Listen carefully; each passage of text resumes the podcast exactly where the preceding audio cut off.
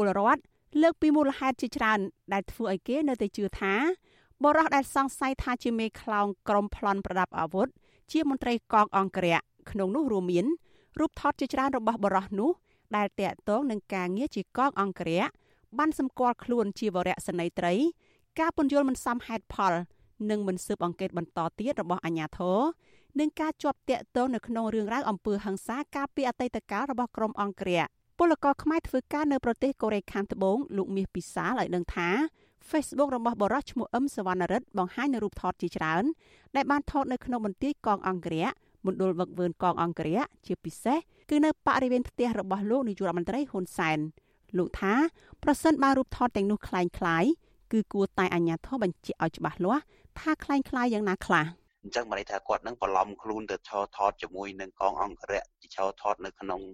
គេហៅថាភូមិគ្រឹះសម្ដេចហ៊ុនសែនទៅឈរថតនៅក្នុងបញ្ជាការឋានកងអង្គរៈទាំងអស់ហ្នឹងសិតតែជាការបន្លំបានដែរឬយ៉ាងម៉េចការលើកឡើងនេះបន្ទាប់ពីមេបញ្ជាការនៃបញ្ជាការដ្ឋានកងអង្គរៈលោកហ៊ីងប៊ុនហៀង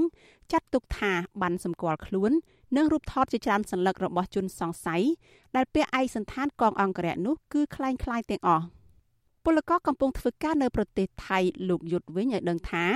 ជារឿងពិបាកនឹងជឿណាស់ចំពោះសម្ដីរបស់អាញាធរជាពិសេសអាញាធរដែលជាប់តាក់ទងធ្លាប់ប្រព្រឹត្តអំពើហិង្សាទៅលើពលរដ្ឋមានក្រុមកងសន្តិសុខសាលាខណ្ឌនិងក្រុមកងអង្គរៈនេះជាដើមសម្រាប់ចំថាកងអង្គរៈសម្រាប់តែសន្តិសុខសុខខណ្ឌអីហ្នឹងក៏អាចវាយធ្វើបាបប្រជាពលរដ្ឋស្ត្រីទុនខ្សោយអញ្ចឹងវាមិនអីចម្លែករឿងមួយនៅក្នុងសង្គមមួយហ្នឹងទេ ក្រុមអង្គរៈរបស់លោកនាយករដ្ឋមន្ត្រីហ៊ុនសែននៅក្រោមបញ្ជារបស់លោកហ៊ីងប៊ុនហៀងធ្លាប់បានវាយដំតំណាងរាស្ត្រគណៈបកប្រឆាំងទាំងកណ្ដាលថ្ងៃកាលពីឆ្នាំ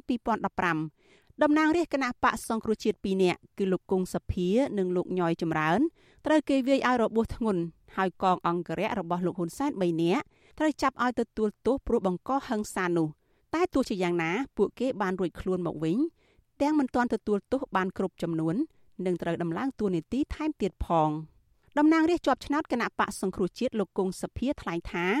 បើពិនិត្យមើលពីទង្វើរបស់កងអង្គរៈមួយចំនួន ដែលធ្លាប់ធ្វើនាពេលកន្លងទៅ គឺมันមានអ្វីចម្លែកទេ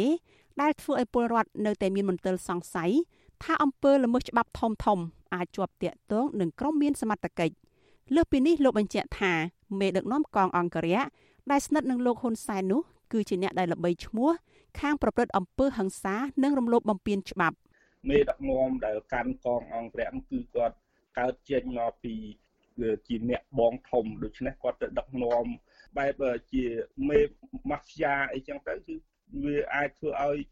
ប្រជាប្រដ្ឋគ្មានជំនឿលើកងអង្គរៈអ គ្គមេបញ្ជាការរងកងយុទ្ធពលខេមរៈភូមិន្ទនិងជាមេបញ្ជាការកងអង្គរៈលោកនាយករដ្ឋមន្ត្រីហ៊ុនសែនគឺលោកហ៊ីងប៊ុនហៀងត្រូវបាននាយកដ្ឋានរដ្ឋាភិបាលអាមេរិកបញ្ចូលទៅក្នុងបញ្ជីខ្មៅនៃបុគ្គលដែលត្រូវរងទណ្ឌកម្មក្រោមច្បាប់ Global Magnitsky កាលពីថ្ងៃទី12ខែមិថុនាឆ្នាំ2018 សហរដ្ឋអាមេរិករកឃើញថាលោកហ៊ីងប៊ុនហៀងរំលោភសិទ្ធិមនុស្សធ្ងន់ធ្ងររួមទាំងការបង្ក្រាបលើក្រុមអ្នកតវ៉ានិងសកម្មជនបកប្រឆាំងដូចជាការបោកគ្រាប់បែកលើអ្នកតវ៉ាអហិង្សាកាលពីឆ្នាំ1997អំពើហិង្សានៅក្នុងឆ្នាំ2013នៅក្បែរវត្តភ្នំនិងអំពើហិង្សាវាយដំតំណាងរាស្ត្របកប្រឆាំងពីររូបនៅមុខរដ្ឋសភានៅក្នុងឆ្នាំ2015ចំពោះជនរងគ្រោះដោយសារតែអំពើហិង្សារបស់កងអង្គរៈនៅក្រៅបញ្ជារបស់លោកហ៊ីងប៊ុនហៀងនេះលោកគង់សភាពិពណ៌នាថា ចំណុចទាំងអស់នេះធ្វើឲ្យប៉ះពាល់ដល់មន្ត្រីកងអង្គរៈផ្សេងទៀតដែលជាមនុស្សល្អត្រឹមត្រូវក្រៅពីចំណុចទាំងនេះចំពោះប្រធានក្រុមអ្នកវិភាគវ័យក្មេងកញ្ញាលីស្រីស្រស់វិញមើលឃើញថាអញ្ញាធមមានចំណុចធ្វេសប្រហែសជាច្រើននៅក្នុងពេលបង្ក្រាបករណីប្លន់ប្រដាប់អាវុធមួយនេះគឺទាំងផ្លូវច្បាប់និងនីតិវិធីប្រតិបត្តិការដែលបង្កឲ្យមានការសង្ស័យក្នុងនោះកញ្ញាចោទជាសំណួរថា តើហេតុអ្វីសមត្ថកិច្ចមិនប្រើមធ្យោបាយចាប់ខ្លួន នៅពេលបានដឹងគម្រោងរបស់ជនសង្ស័យជាច្រើនថ្ងៃមុនហេតុការណ៍តើសមត្ថកិច្ចពិតជាឈរលើហេតុផលការពីខ្លួនពិតប្រាកដឬមានបំណងត្រៀមជាស្រេចដើម្បីបាញ់សម្លាប់តែម្ដងក្រៅពីនេះអាជ្ញាធរបានប្រញាប់ប្រញាល់បូជាសពអ្នកទាំង4ដោយគ្មានព័ត៌មានពីគ្រួសាររបស់គេ ដែលបង្ហាញថាពុំបានផ្ដល់យុត្តិធម៌ជាចុងក្រោយដល់ពួកគេថែមទៀត។ ពលរដ្ឋមួយចំនួនហ្នឹងអាចយល់ថាជាការធ្វើស៊ីដែលយើងហៅភាសាសាមញ្ញណា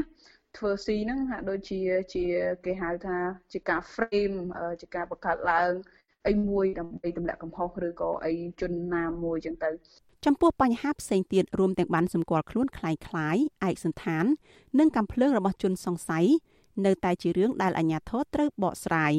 យើងត្រូវស្រាវជ្រាវទៀតតើអ្នកណាអ្នកជួយធ្វើបានហ្នឹងព្រោះបានហ្នឹងមិនមែនអង្គុយសរសេរដៃបានទេវាត្រូវ design យករូបថតអីយកមកដាក់តើអាម៉ាស៊ីន print design អីអីទាំងអស់ហ្នឹងនៅកន្លែងណាណាតើតើមានតម្រុយផ្សេងទៀតដែរអត់តែទោះជាយ៉ាងណាលោកហ៊ីងប៊ុនហៀងបានប្រាប់អាស៊ីសេរីថានឹងគ្មានទៀតទេ ការស៊ើបអង្កេតគ្រប់រឿងទាំងអស់នៅក្នុងករណីប្លន់ប្រដាប់អាវុធនិងជំរិតមួយនេះព្រោះជនល្មើសបានស្លាប់អស់ទៅហើយ ក្នុងការបង្ក្រាបករណីប្លន់ប្រដាប់អាវុធដោយមិនបានសម្រេចកាលពីថ្ងៃទី1ខែមីនាកងកម្លាំងរាជអាវុធហត្ថរាជធានីភ្នំពេញបានបាញ់សម្លាប់បរិសុទ្ធជនសង្ស័យ4នាក់នៅនឹងកន្លែងដោយចោទថាបានបាញ់តដៃជាមួយសមត្ថកិច្ច3ថ្ងៃក្រោយការបាញ់សម្លាប់នោះទើបទំព័រ Facebook របស់កងរាជអាវុធហត្ថរាជធានីភ្នំពេញបានបង្ហោះព័ត៌មានផ្ទាល់ខ្លួនរបស់បរិសុទ្ធទាំង4ជាសាធារណៈក្នុងនោះបង្ហាញថាពេលកើតហេតុបរិសុទ្ធឈ្មោះអឹមសវណ្ណរិទ្ធកាន់កំភ្លើង AK47 ឈ្មោះរីពិសីកាន់កំភ្លើងខ្លីម៉ាកស៊ូរ៉ាគីឈ្មោះរនភិរុនកាន់កំភ្លើងខ្លីម៉ាក CZ